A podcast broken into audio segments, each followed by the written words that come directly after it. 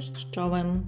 Mm, w kolejnym odcinku poziomu nasycenia chciałabym powiedzieć o zmianie postrzegania serialu Gilmore Girls, po polsku znanym jako Kochane Kłopoty. To jest jeden z seriali, które oglądam, kiedy naprawdę nie wiem, co oglądać, kiedy już mi się wykończyły i skończyły różne możliwości, nowości, prawie rymuję to można powiedzieć taki serial oglądany na zmianę serialem Przyjacielem, z przyjaciółmi. O ile oglądałam go kiedyś, będąc prawie nastolatką, czyli w wieku córki, bo jak wiemy, fabuła mniej więcej opiera się na tym, że poznajemy matkę i córkę. Matka rodzi swoją córkę w wieku lat 16, y, opuszcza dom i wychowuje sama Rory.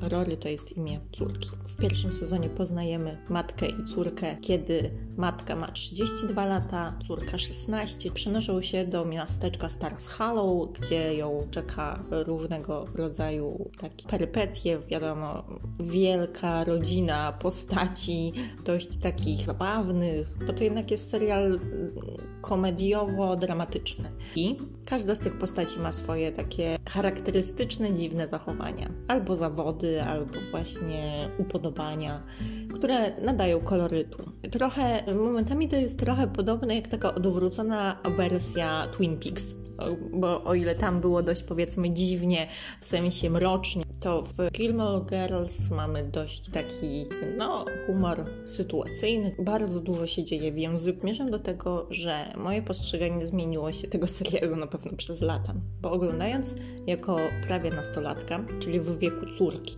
to podobało mi się, że jej matka jest taka wyluzowana, swojska, taka przyjaciółka, że można z nią pogadać o wszystkim, o chłopakach, o szkole, o tym, co cię trapi, o tym, jaki ma się gust filmowy, muzyczny, w zasadzie ma się taki sam, więc czyta się te same książki, ogląda się te same filmy. Tak naprawdę Rory stała się kopią swojej matki. To takie, wiecie, przeniesienie mózgu, transplantację. Ale yy, o ile to było ciekawe, że Rory była też bardzo dobrą uczennicą, bardzo pilną, ambitną, e, która mm, w pierwszym odcinku cała fabuła zaczyna się od tego, że ma się przenieść do prywatnej szkoły, na którą nie stać matki.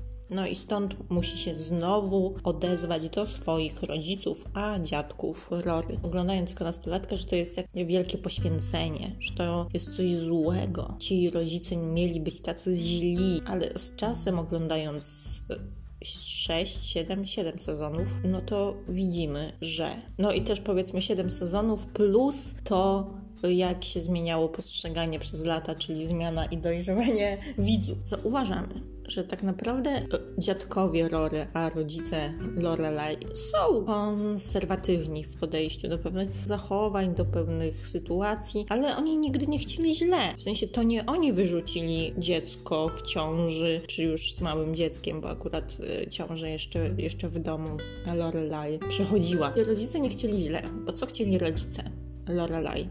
Chcieli, aby ta skończyła szkołę, aby oni pomagali jej wychowywać dziecko, aby y, wyszła za mąż za ojca Rory, czyli Christophera, żeby Christopher zaczął pracować w firmie ubezpieczeniowej ewentualnego teścia, ojca Lorelai, a kolei dziadka Rory. Więc y, można powiedzieć bardzo tradycyjny y, model sytuacji, z której się wychodzi podczas nastoletniej ciąży, szczególnie jeżeli rodzice są dość dobrze usytuowani, którzy mogą pomagać dziecku, chcą pomagać w sensie, że akceptują sytuację na zasadzie, że nie, nie uznają jej jako na przykład jakiejś ujmy. Nie, w sensie, że skoro już będą dziadkami, no to biorą to z całym dobrodziejstwem inwentarza. Tutaj widzimy, że Lorelai nie chce się zgodzić na te wszystkie warunki, czyli nie chce skończyć szkoły, bo chce wziąć odpowiedzialność za swoje dziecko.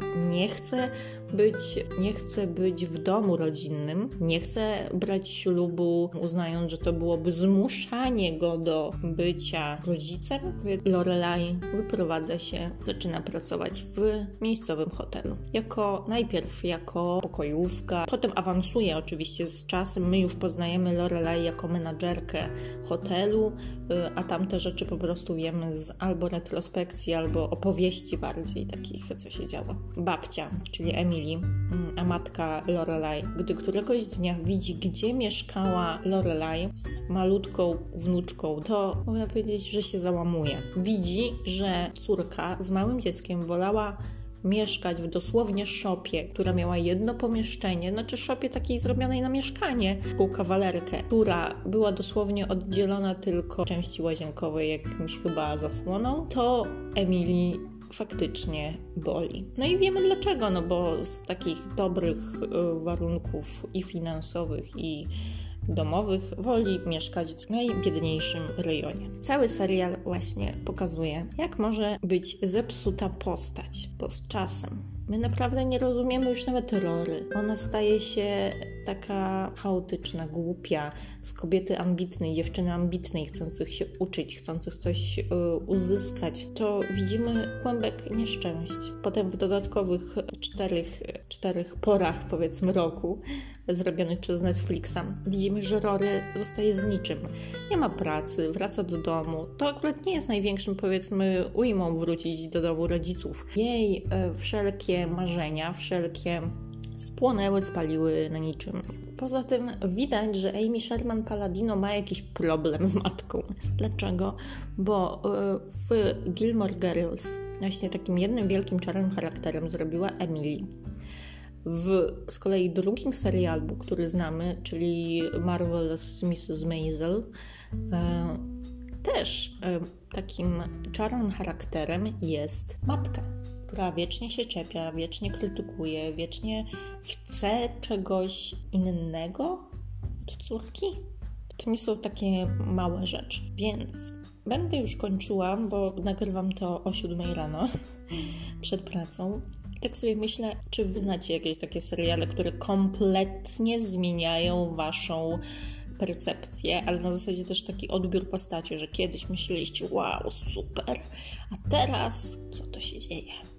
Coś mi tu nie pasuje. Pozdrawiam serdecznie. Dzisiaj było poważnie. Mam nadzieję, że niedługo będzie niepoważnie. Dlaczego? Bo życie nie jest poważne. Pozdrawiam.